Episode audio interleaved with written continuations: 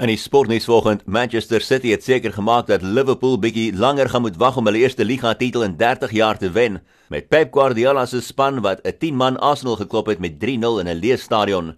Intussen het die uh, seisoen weer begin met omstredenheid en is die maatskappy wat die Premier Liga se doellyn tegnologie hanteer wat om verskoning gevra het nadat hulle nie gesien het hoe Aston Villa se doelwagter die bal oor sy doellyn neem nie, met Sheffield United wat uitgemis het op 'n oorwinning in die wedstryd nadat gelykop geëindig het.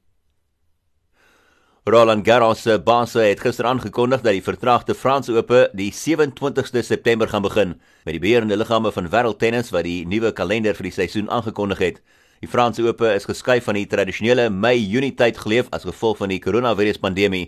Die seisoen se laaste Grand Slam sal nou die 27ste September begin met die Amerikaanse Ope wat bevestig is vir die 31ste Augustus.